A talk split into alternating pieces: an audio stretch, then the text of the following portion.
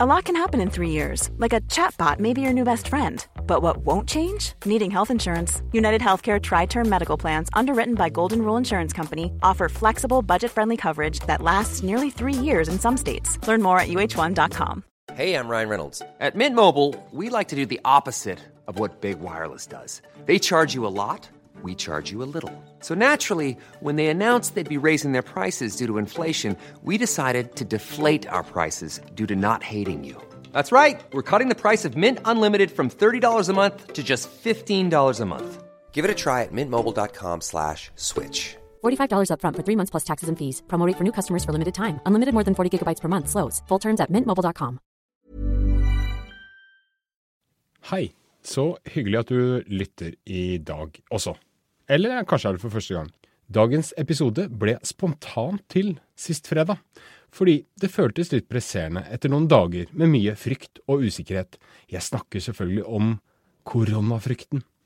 Men en liten utfordring da med å snakke om en sak som stadig utvikler seg, er at ny informasjon stadig kommer til.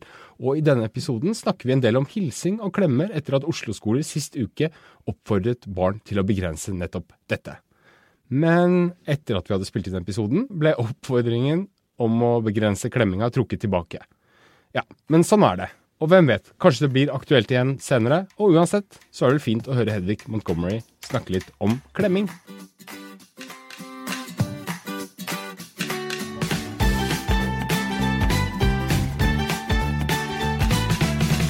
Ja, Hedvig Montgomery, da er vi Eller forresten, kan ikke du fortelle lytterne hvor vi er akkurat nå? Ja, det er faktisk veldig hyggelig Bjørn Egil, at du har kommet på besøk til meg på kontoret mitt. eh, Og det kjennes fint ut å sitte her og lage en episode. Kan ikke du beskrive omgivelsene akkurat vi sitter nå? Ja, så Nå sitter vi jo i sofaen hvor jeg pleier å ha eh, et barn eller to og kanskje en mamma eller en pappa krøpet oppi, og nå er det du og jeg som sitter her. Og så ser vi faktisk over på to stoler som da er tomme, som er litt rart. Men der får vi ha lytterne våre, da. Veldig bra. Vi eh, bestemte oss for å ta en liten stuntepisode. Nettopp av at det er en slags liten frykt som man har følelsen av, i hvert fall, brer om seg. Ja, både blant eh, barn og foreldre, egentlig. Og det har med dette koronaviruset å gjøre. Og når denne episoden publiseres, så kan det ha skjedd litt av hvert i mellomtiden. Vi får ta forbehold om det. Men likevel. De siste dagene så har vi som jobber i media fått mye pepper. Kanskje berettiga for å hause opp stemninga og frykten. Hedvig, er du selv bekymra for det som skjer rundt oss akkurat nå? Eh, Jeg er ikke bekymret for koronaviruset som sådant, men jeg er redd for eh, de effektene det får psykologisk. At folk blir redde for å være nær, at vi får en idé om at isolasjon er riktig måte å møte dette på. Eh, og jeg er redd for at mange barn sitter med en, og voksne eh, sitter med en frykt for noen ting som kommer til å skli helt fint over. For om du spør meg personlig, jeg tror det kommer til å skli helt fint over. Men skjønner du at barn er redde? Som du har sagt tidligere, så er jo barn som svamper. Og de fanger opp veldig mye rundt seg. Eh, og det jeg hørte nå nylig flere eksempler på, var at de har fanget opp at eldre kan være blant de som er mest utsatt. Så de blir jo kjemperedd for at besteforeldrene skal dø. Det er klart de blir redde, og når jeg leser forsidene på avisene nå, så blir jeg jo faktisk litt engstelig selv. Eh, Det å se eh, helsepersonell i smittevernsdrakter og det å se eh, disse kartene med rød farge, så sier det noen ting om hvor kraftig kommunikasjon dette er, og hvor kraftig farekommunikasjon dette er. Så det er klart at, eh, at du blir redd, både som stor og liten. Vi skal eh, prøve å komme med noen konkrete tips og råd i denne episoden til hvordan du kan agere og snakke med barn om dette viruset. Men for å begynne litt mer grunnleggende, for å snakke litt om frykt. Altså, til en viss grad er det en normal, kanskje til og med sunn reaksjon. Når er det det tipper over til å bli noe som vi bør håndtere?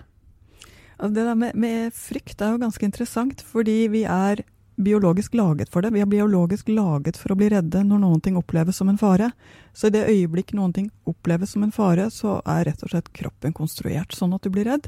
Og det er for at du skal ha ekstra krefter, ekstra alertness, altså du skal være ekstra påpasselig når det er noen ting som er farlig i din nærhet. Så frykt er vi altså det er ikke noe vi styrer engang. Sånn er vi konstruert. Når er det det begynner å, å, bli vanskelig? Ja, Det som er interessant med frykten, det er at frykten alene er vi konstruert for å ha bare veldig korte øyeblikk av gangen. Så er jo meningen at uh, tankene skal komme inn, at vi skal begynne å gjøre en vurdering av det vi er redde for, at vi skal begynne å kombinere fornuft og følelser. At vi skal begynne å, å se uh, hva dette stemmer, hvordan skal jeg forholde meg til det. Altså legge en plan. Hvis det tar for lang tid før det kommer, eller vi ikke får roet ned frykten med det vi tenker, men tvert imot øker frykten med det vi tenker, så begynner det å sette seg i kroppen, det begynner å bli vanskelig å tenke på andre ting, det begynner å bli vanskelig å gjøre vanlige ting. Og da har vi en situasjon som er ganske skummel. Hva er de typiske mønstrene hos barn når det gjelder frykt, og hva de er redd for? Altså, dette er jo utrolig spennende, fordi barn har jo sterke, rene følelser, og i barnehagealder så har de veldig liten mulighet til å ta ned sine egne følelser. Dvs. Si at de har veldig behov for at noen annen hjelper dem med håndteringen.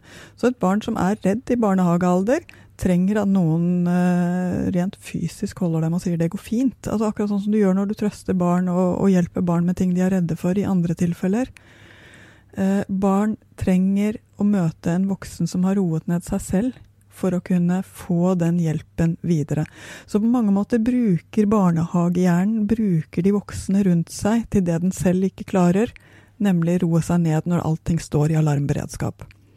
Så et barnebarnehagebarn i alarmberedskap trenger en voksen som sier Ser den, klart du blir redd, men dette går fint, og jeg vet veien ut av dette. Barneskoleårene er en veldig kanskje enda mer krevende tid for foreldre, fordi at i denne fasen her så har barna like sterke følelser som de hadde i, barnehagealderen. I tillegg så begynner de å få dette blikket på seg selv fra utsiden, sånn at de er redde for å dumme seg ut, redde for å gjøre feil, som gjør, nesten forsterker følelsene deres. Og i tillegg så skjønner de mye mer av hva som skjer i samfunnet, sånn at de har lettere for å bli redde for ting som kan gå galt. Eh, fange opp informasjon om krig eller om eh, miljøkatastrofer, eller for den delen da sykdommer, som de så tenker store inni hodet sitt. Eh, og de er fortsatt ikke noe flinke på å ta ned på egen hånd. De trenger noen som hjelper dem å legge sammen disse tankene med følelsene sine. Så jeg tror kanskje at den mest redde gruppen og den mest lettskremte gruppen er nettopp eh, barneskolebarna, hvor vi gjerne ser en topp av dette her i 9-10-årsalderen, kanskje helt opp i 11-årsalderen, før de begynner å skjønne jeg har kontroll selv, jeg kan faktisk gjøre ting smart. Alt som sies er ikke sant. Altså du får den tingen som de kommer eh, til etterpå. Og i ungdomsskolealderen er de superflinke til å, til å tenke på eh, mer kritiske måter. Men det er et men der, og det er at tenåringer er også, har også en tendens til å sette seg helt ut i de mest ekstreme situasjonene, altså tenke det absolutt verste. Katastrofetenke? Katastrofetenke. Uh, så man skal være litt obs på tenåringene sine også. At uh, det å, å, trekke dem inn og ha dem i midten uh, av følelsesspekteret, ikke la dem ligge alene og slure ut i ytterkanten, er ganske vesentlig. Det kan godt hende at dette som vi nå snakker om, kanskje kan være mest utbredt blant barneskolebarna. Eh, I hvert fall er det de som kanskje har mest trøbbel med å sortere og, og knagge dette her. Sist uke så kom det rapporter om at flere skoler fraråda klemming og hilsing, og en bekjent av meg fortalte om en åtte år gammel jente som ble helt fortvila da hun så det her, for hun så for seg at hun aldri mer kunne klemme mammaen sin og ikke bestevenninnene. Og, og, klemming er jo noe kanskje spesielt jenter driver mye med. Og hun skjønte heller ikke at dette bare var et midlertidig tiltak, selvfølgelig. Og akkurat det er kanskje et poeng her, da, at barn har litt dårlig begrep om tid og om konsekvenser for den del. Altså, nå må jeg bare si at min egen eh, tiåring Eh, jeg, det har gått ut brev nå til alle i Oslo-skolen om, om, disse tingene. Altså at barna skal i mindre grad eh, klemme og ta i hånd. Men eh, det skal fortsatt trøstes når de trenger det. Eh, og det viktigste er at de vasker hendene oftere. Så jeg sa dette til han omtrent sånn. Og så sa han Men får jeg ikke lov til å kose med læreren min? Uh, og det var for ham faktisk en ganske trist tanke. Han ble ordentlig lei seg av å tenke at han ikke skulle få lov til å kose med henne. Og sa at akkurat nå blir det kanskje mindre kos med henne. Du får ta det igjen med mer kos med meg.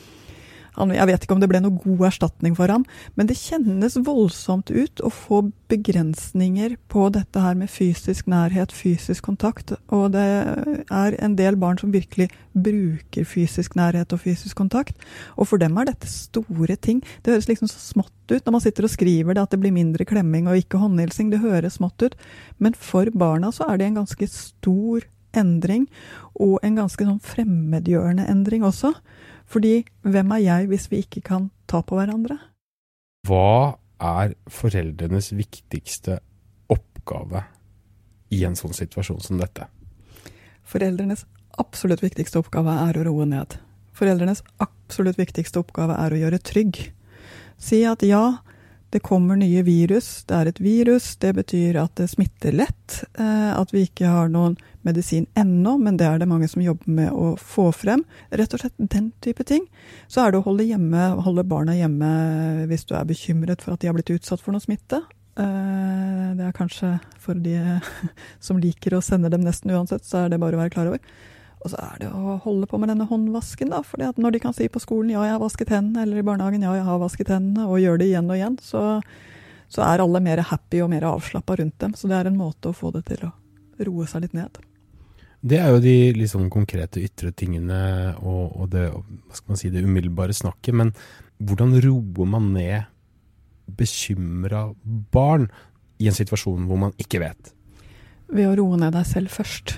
Uh, og hvis du går til de pålitelige kildene vi har om denne smittespredningen, så er det faktisk grunn til å være helt rolig på det.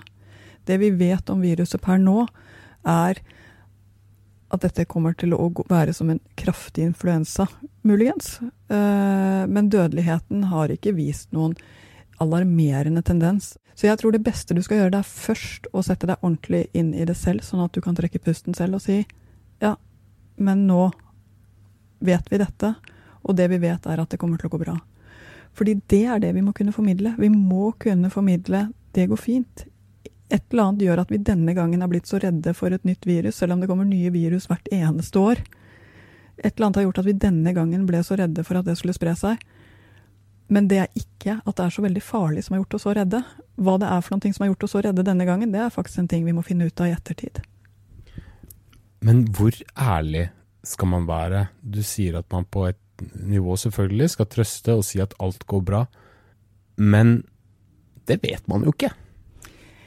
Det kan du si, at ingen vet hva morgendagen bringer. Eh, men ut fra det vi vet, så blir morgendagen i morgen omtrent som dagen i dag. Det er det vi vet, det er det sikreste vi vet akkurat nå, og da må vi holde oss til det. Å bevege seg ut fra prosentsannsynligheter er ikke noen måte å leve sammen på. Hvor mye smitter sånn type frykt blant barna? Altså smitte i overført betydning? Uh, helt klart at en del barnemiljøer går inn, og spesielt i, i, barneskolealder, går inn og skremmer hverandre. Og det å bli skremt er jo også nesten litt uh, godt. Her trenger vi han ikke å skremme. Det er ingenting her som blir bedre av at noen blir redde. Og igjen, det gjør foreldreoppgaven så viktig med å roe ned ingenting blir bedre av at folk blir redde. Det hjelper kanskje ikke at du selv går rundt og stresser deg fordi det er utsolgt for eh, munnbind, når du samtidig skal prøve å få et barn til å bli mindre redd. Jeg vet. Eh, og altså, vi mennesker er så forskjellige, vi har så forskjellig sårbarhet. Og for noen er sykdomsangsten veldig, veldig lett å trigge. Og etter de årene jeg har jobbet Jeg har, jeg har først vært igjennom en uh, hiv-angstperiode hvor det var veldig vanlig at uh, folk søkte hjelp for sin hiv-angst, for den var så sterk. I en periode så hadde jeg mange som søkte hjelp for kugalskapsfrykt, for det var en periode hvor det blomstret opp i, eh, i Storbritannia og spredte seg mye mer som frykt enn noen ting annet over hele Europa. Ingen som kommer for det nå. Eh, jeg har vært igjennom forskjellige runder hvor, hvor jeg ser at noen får og de er ikke dumme. Dette er smarte mennesker, dette er fine mennesker. Dette er mennesker det er akkurat like lett å like som alle andre. Men noen ting gjør dem sårbare når det kommer sykdomsfrykt og når det kommer smitteangst. Og det er klart, de noen, noen av dem har også barn. Uh, og de har en mye tøffere jobb enn de andre. For for de aller fleste så vil det være ganske lett å trekke pusten og se at ok, min viktigste jobb nå er å være nær barnet mitt, vise at dette går bra. eh, si at nei, mormor og morfar dør ikke av dette, det er faktisk ikke spesielt sannsynlig. Eh, så vi spiser middag og ser på barne-TV. Eh, men for noen vil dette treffe veldig, veldig hardt. For noen vil det treffe rett inn i frykten for alt det vi ikke kan se, alt det vi ikke kan forutse, alt det som gjør at min utrygghet står i alarmberedskap. Og da er det vanskelig å roe ned seg selv. Du har sannsynligvis vært igjennom det før hvis du er en av dem som, som blir skikkelig trigget av dette her nå. Og det handler litt om å snakke med noen som hjelper deg ut av det, ikke som skremmer deg mer opp. La være å lese nettaviser inntil dette har eh, roet seg litt. Altså ikke fòr angsten din. La dette tiden få lov til å gå, og søk hjelp for den angsten. Hvis det er den som, som gjør at du blir en dårlig forelder. Betyr det at du forventer nå at det etter hvert kommer en god del eh, klientforespørsler eh, som har en virusfrykt i seg? Absolutt, eh, og det ser vi ved hver sånn topp. At det fører med seg at noen får dette trykket veldig sterkt på. Eh, denne frykten. Og den er faktisk ganske lammende og veldig veldig vanskelig for dem selv å, eller, eller for en selv å håndtere. Det er vondt. Men da har man altså en, en, tilbøyelighet, en sårbarhet, eller hva man skal kalle det, for å bli angstramma, da? Ja da. Altså du, du, ikke, du, blir nok ikke helt overrasket over at det rammer deg her. Men det spiller jo ikke så stor rolle. fordi det som er så interessant med angst, det er at når den først kommer, eh, så kjennes den så sann ut. Uansett hvor, eh, hvor usannsynlig den er. Er du for, først fått en sånn eh, pigg inn i, i, sjelen og fått i gang hele det stressystemet som angst er. For angst er en veldig både fysisk og psykisk ting. Det er ikke, rent, eh, det er ikke bare tankene dine, det er hele kroppen din som går inn i den der alarmberedskapen. Det er en, et vanskelig sted å være, og det er helt klart at det er da du også vil ha problemer med å gjøre dette vi trenger at barna dine, som barna dine trenger å oppleve, nemlig at du sier 'vennen, det går fint'. Men dette gjelder vel også barn? altså Hvis angsten først har satt seg, så kan du vel tolke alt inn i, i en sånn virkelighet av at jo, det kommer til å gå åt skogen?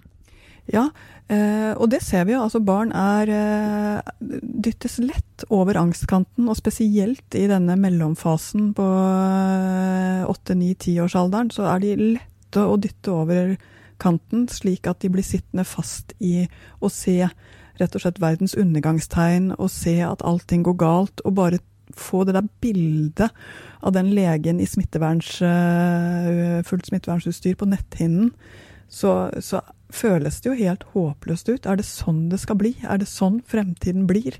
Kommer vi til å gå rundt sånn på gata? Uh, dette er viktige spørsmål for barn i denne alderen. Det er viktig at de ikke blir sittende alene med det, for da blir det enda mer selvforsterkende. Så har du fått en som er der, så må du rett og slett orke å høre på det og si ja, jeg vet når du har fått det bildet opp, så er det lett å tenke at det er sånn det blir. Det er ikke sånn det blir. Og så kan du si til meg, men det er jo en bitte liten sannsynlighet for at det er sånn det blir. Det er også en bitte liten sannsynlighet for at jeg blir påkjørt i morgen, men jeg tar allikevel ikke å håndtere livet mitt ut ifra den bitte lille sannsynligheten. Så her må du som forelder også klare å la den der sannsynlighetsberegningen tikke rundt i hjernen din og styre etter det som er mest sannsynlig. Og det mest sannsynlige er det går bra. Nå skal ikke vi eh, bidra til å hause opp, men likevel. Hvis det eh, skulle vise seg da, at dette er mer aggressivt, mer vidtfavnende og rammer mange, da putter det vel disse, dine råd litt i et annet lys, eller er det fortsatt det samme som vil gjelde? Vet du hva? Hvis vi kommer dit, så kommer vi til å håndtere det også. Det føler jeg meg helt trygg på. Mennesker er som maur. Det er så mange som jobber med å gjøre de riktige tingene rundt omkring i verden akkurat nå for å håndtere dette her.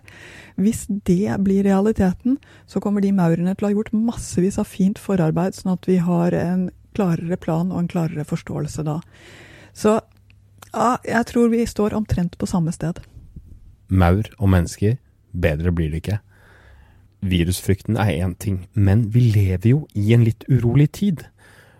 Om ikke det bestående er i ferd med å, å liksom smuldre helt opp og svinne hen, så er det en slags grunnfølelse hos mange at mye av det vi har tatt for gitt, av type institusjoner, verdier, krakelerer litt. Det er litt sprekkdannelser her og der. Og dette har jeg også erfart selv, at, at um, unge og barn plukker opp. De går rundt og er litt sånn redde nesten konstant. Hvordan skal vi unngå at uh, barn og unge blir liksom generasjon frykt og desperasjon? må jeg bare si at Unge er litt uh, disponert for å være generasjon frykt og desperasjon. Så det første er at jeg regner med at det sklir litt over også hos dem. Uh, helt av utvikling og, og, tyngdekraft. Men det andre er at jeg tror nok det skumleste med vår tid, som skremmer også meg, er tendensen til at vi går til ytterkantene. Vi plasserer våre meningsmotstandere i den ytterste ytterkanten, og vi plasserer oss selv i den andre ytterkanten. Vi polariserer, og vi gjør ting svart-hvitt som egentlig er ganske kompliserte.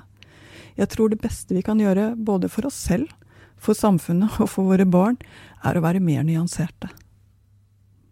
Rett og slett å overføre det som en forsøksvis verdi til dem? Rett og slett å selv lete etter det som gjør at du eh, ikke mener det mest bastante, men mener noen ting som det er åpent å snakke rundt. Vi skal ha dagens spørsmål i dag også.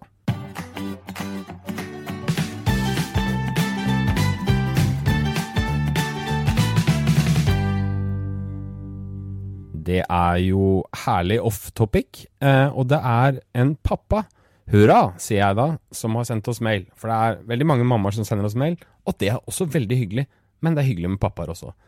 Hei, skriver han. De siste månedene har vår fire og et halvt åring laget vanvittig mye lyd. Kjenner meg igjen.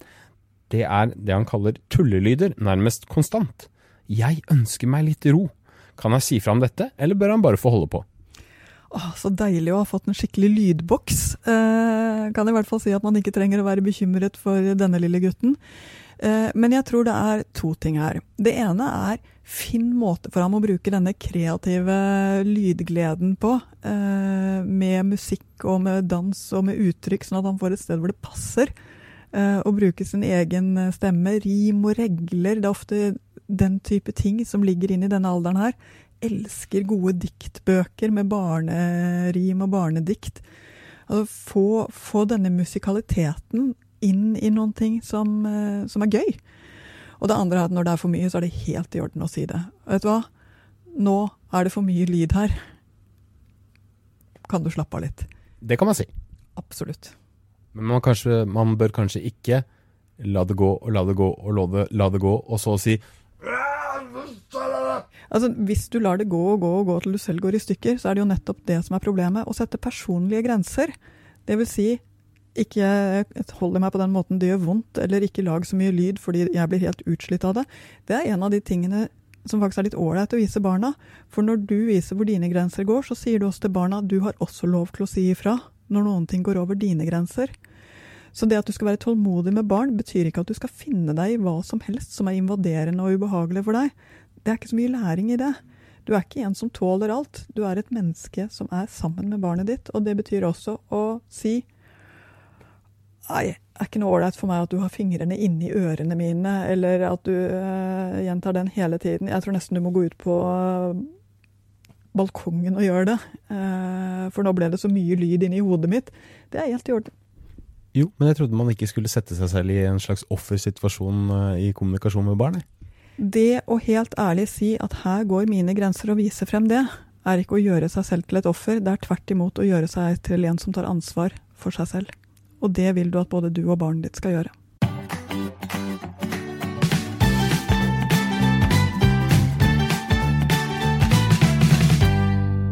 Da skal vi oppsummere det vi har snakka om nå, og Hedvig, hvis du skal gi tre gode tips til barneforeldre som syns det er vanskelig å snakke om denne koronafrykten, hva vil det være?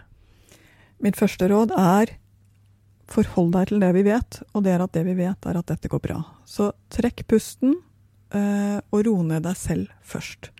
Når du har roet ned deg selv, så er det akkurat det samme du skal gjøre med barna. Si at det går fint, si at nå går vi inn i en periode med mye håndvask og hvor alle er litt redde for dette det kommer til å gå over.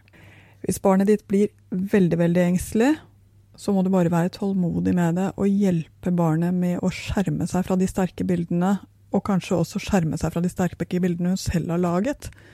Og, å finne ord for det som gjør at hun ser at det er mer nyansert enn dette. For eksempel? For eksempel, ja, det har blitt vist sånne bilder eh, fra, fra den mest akutte fasen i Kina det er ikke sånn det ser ut der nå, og det er et veldig lite område. Det er ikke i hele Kina. Altså, vis det større bildet. Hent fram globusen kanskje til og med, for Kina er et veldig stort land. Gigantisk land. Det var det vi hadde for i dag, egentlig. Eh, det var en liten sånn adhoc-episode. Jeg håper at du fikk noe ut av det. Og så høres vi igjen sannsynligvis til en sånn studiosending neste uke. Ha det bra.